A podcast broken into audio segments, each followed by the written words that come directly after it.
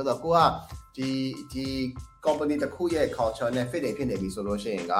ကျွန်တော် department changes လုပ်လို့ရတယ်ပေါ့နော်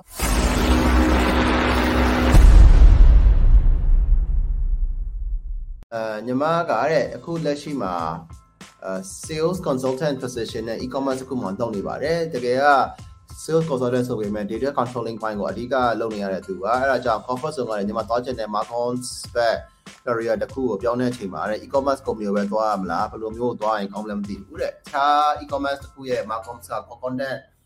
အဲ content ဦးစားပေးတွေများတာမို့လို့ပါတဲ့အဲ့ဒါကြောင့်တခြားတစ်ခုကိုပြောင်းဖို့အတွက်က company တစ်ခုမှာဘယ်လောက်ကြာကြာလုပ်ပြီးတော့ဘာဘယ်လိုမျိုးနောက်ထပ် skills တွေထပ်ဖြည့်ဖို့လုပ်မလဲဆိုတော့ပြပြပေးစီလို့ပါတယ်ကို Alex ရင်းနဲ့ကျေးဇူးတင်ပါတယ်ဆိုတော့ um okay ဒါတော့အဲ့တော့ပြောချင်တာက Marcom ဘက်ကိုပြောင်းချင်တယ် အဲ့တော့ဘယ်သွားရမှာလဲဆိုတဲ့ဟာမျိုးပေါ့နော်အဲ့တော့ Marcom ဘက်ကိုပြောင်းချင်တယ်ဆိုလို့ရှိရင်တော့ဟိုအရေးကြီးတာတော့ကိုယ့်ရဲ့ဒီဒီ internal မှာလည်းဟိုပြောင်းလို့ရနိုင်မလားဆိုတဲ့ဟာမျိုးလေးမေးကြည့်ပါလားဟိုကျွန်တော်ကတော့အကြံပေးလေးရှိတာလေဘာလို့ကိုကဒီဒီ company တစ်ခုရဲ့ culture နဲ့ fit နေဖြစ်နေပြီဆိုလို့ရှိရင်ကကျွန်တော် department changes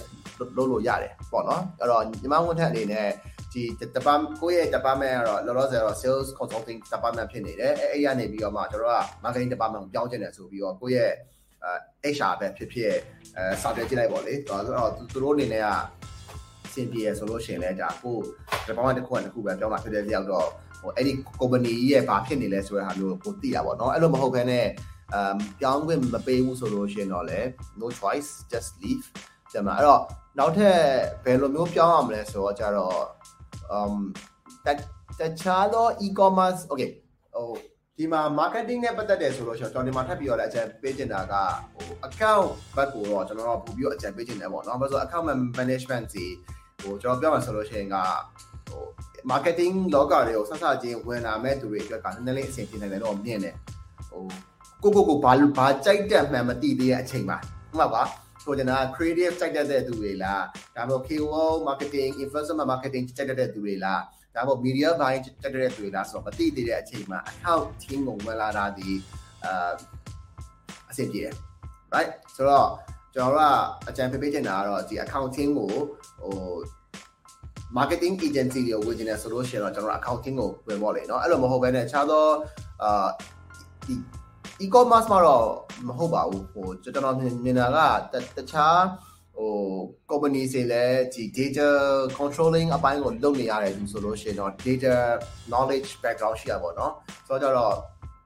ဒီ data background ရှိတဲ့သူကိုကျွန်တော်တို့ marcom အနေနဲ့ခန့်ခန့်ကျင်ကြတဲ့ဟို digital marcom အနေနဲ့ခန့်ကျင်ကြတဲ့သူတွေလည်းကျွန်တော်ရှိမှာပါဆိုတော့ကြတော့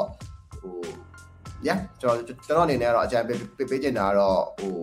တခြားအလုပ်ရှောက်မယ်ဆိုလို့ရှိရင်တော့ကိုယ့်ရဲ့ဒီ data controlling ကိုဒါ data ရောလုပ်ခဲ့တယ်ဒါပေမဲ့ငါစိတ်ဝင်စားတာဒီအာကျွန်တော် content တွေဘာတွေညာတွေငါတို့ပို့ပြီးတော့စိတ်ဝင်စားတယ်အဲ့တော့အဲ့လိုမျိုးလိုချင်ပါတယ်ဆိုပြီးတော့အာတော့ရဆိုလို့ရှိရင်တော့ပို့ပြီးကောင်းနိုင်တယ်ဆိုတော့ဟိုဘလောက်ကြာကြာတခြားတစ်ခုအပြောင်းဖို့အတွက် company မှာဘလောက်ကြာကြာလုပ်ပြီးတော့မှနောက်ထပ်ဘာ skill တွေထပ်ဖြည့်ဖို့လိုလဲဆိုတော့ကျွန်တော် ကျွန်တော်အနေနဲ့ကတော့ um okay so အခုဟာကကျွန်တော် Coursera တို့ LinkedIn Learning ဆိုကျွန်တော်ဟိုတနေ့ကလည်းကျွန်တော် learning လို့လုပ်တဲ့ list တွေကျွန်တော်ချပြီးလိုက်တယ် right so ဟို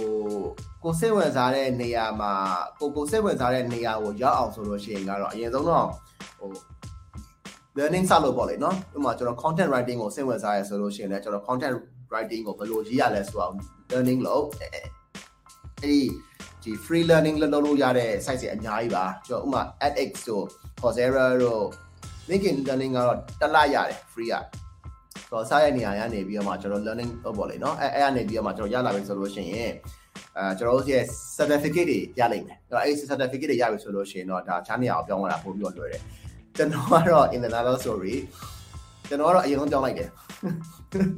တယ်မလားကိုကိုကိုဟာကို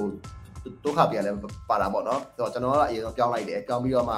ကျွန်တော်က download လုပ်တဲ့ဟာမျိုးပို့ပြီးတော့များတယ်ဆိုတော့ကြောင့်ဒါကိုယ့်ရဲ့ကိုယ့်ရဲ့စိတ်နဲ့ပဲကိုဆိုင်တာပါဆိုတော့ဟိုဘယ်လောက်ကြာကြာလုပ်ရမလဲဆိုတာတော့ကျွန်တော်ကတော့ဟို